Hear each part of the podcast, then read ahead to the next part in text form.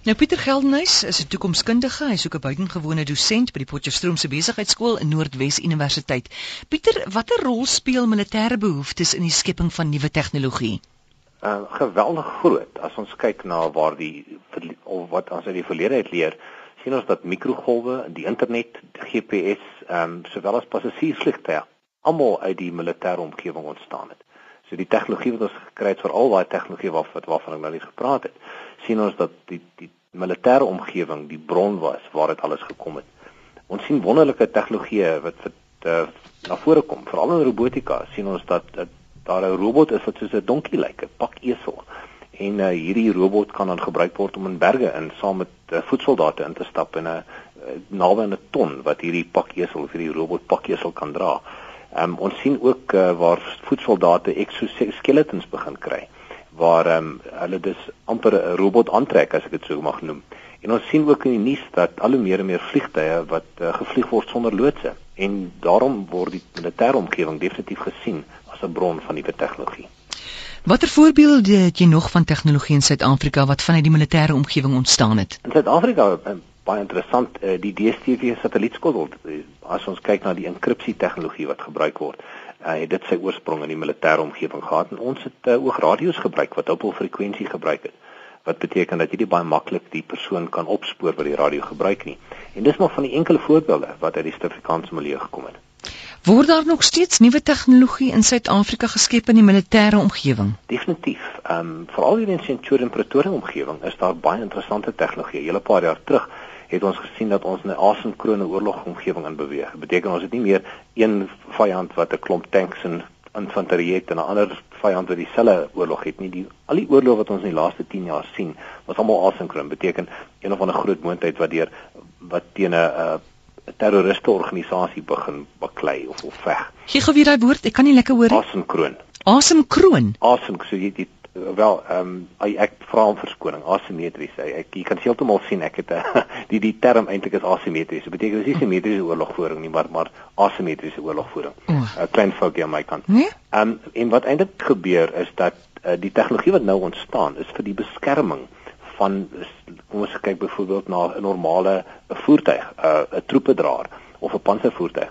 Partykeer kan jy 'n missiel op jou skouer sit as jy terroris is of of 'n uh, persoon is wat teen 'n moontheid veg en dan kan jy projektiel van missiel af afvuur na 'n voertuig toe.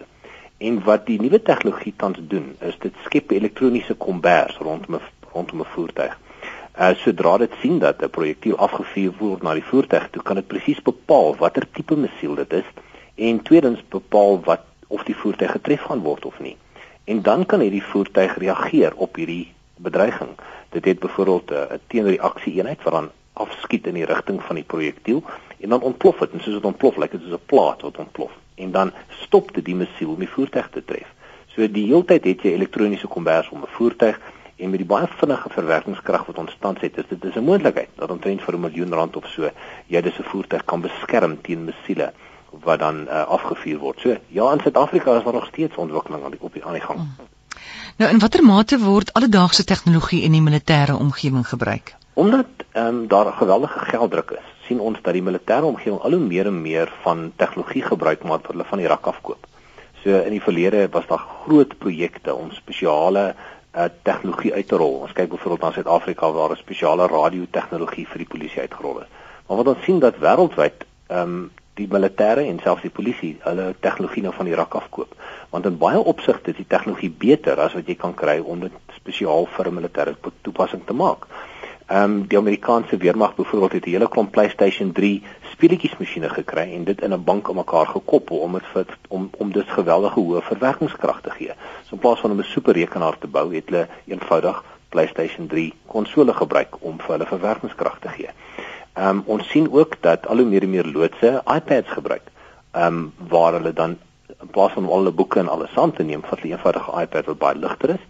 Ons het ook uh, so 2 of 3 weke terug gepraat oor eye optic. Dit is hierdie kontaklens wat jy in jou oog plaas om dus vir jou ver, verrykte realiteit te gee. Jy het 'n bril wat jy het waar sekere teks of inligting uh verskyn van die omgewing rondom jou, maar die probleem is dat jy altyd jou oog hoef moet herfokus met die teks wat voor jou is en hierdie kontaklens het dan vir jou die vermoë gegee om die teks wat op die bril te verskyn na jou oogrand toe te verskuif en dan is alles in fokus. So ons sien al hoe meer en meer word kommersiële tegnologie binne in militêre omgewings gebruik. Watter rol speel slimfone in die militêre omgewing? Tamelike groot rol. Ons sien dat in Amerika jy 'n spesiale toep kan aflaai as jy 'n skerpskutter is, dan sê dit vir jou waar jy is, hoe ver jy wil skiet, kyk na al die weeromstandighede, die wind wat jy het en dan sê dit vir jou hoe jy jou teleskoop moet instel om 'n meer akkurate skoot te kry. So jy daar's 'n hele klomp skerp skerpskutters wat nou 'n selfoon het of slimfone mm. en dan gebruik hulle hierdie toeps om uh, beter te kan te kan skiet.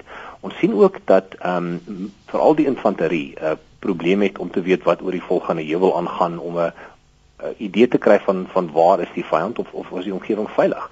En al hoe meer en meer gebruik hulle hulle slimfone om klein mini helikopters of mini uh, vliegtye te beheer. En dan kyk hulle na die skerm van hierdie slimfoon en hulle kyk wat hierdie vliegtyg alles sien. So hulle kry 'n videostroom wat terugkom vanaf die vliegtyg of helikopter en kan dus sien of dit veilig is. Hmm. Hulle gebruik ook uh, slimfone om robotte te beheer wat in 'n gebou sal ingaan om te kyk of dit veilig is. So in plaas van om 'n persoon in te stuur in 'n gebou en stuur hulle 'n klein robot in. En uh, veral in terme van ehm um, die onskadelikstelling van bomme word uh, slimfone ook gebruik om hierdie robotte te beheer. So baie interessant hoe kommersiële tegnologie al hoe meer en meer in militêre omgewing gebruik word. En so gesels Pieter Geldenhuys en ons het vandag gepraat oor tegnologie en militêre toepassings. Hy is 'n toekomskundige en buitengewone dosent by die Noordwes Universiteit.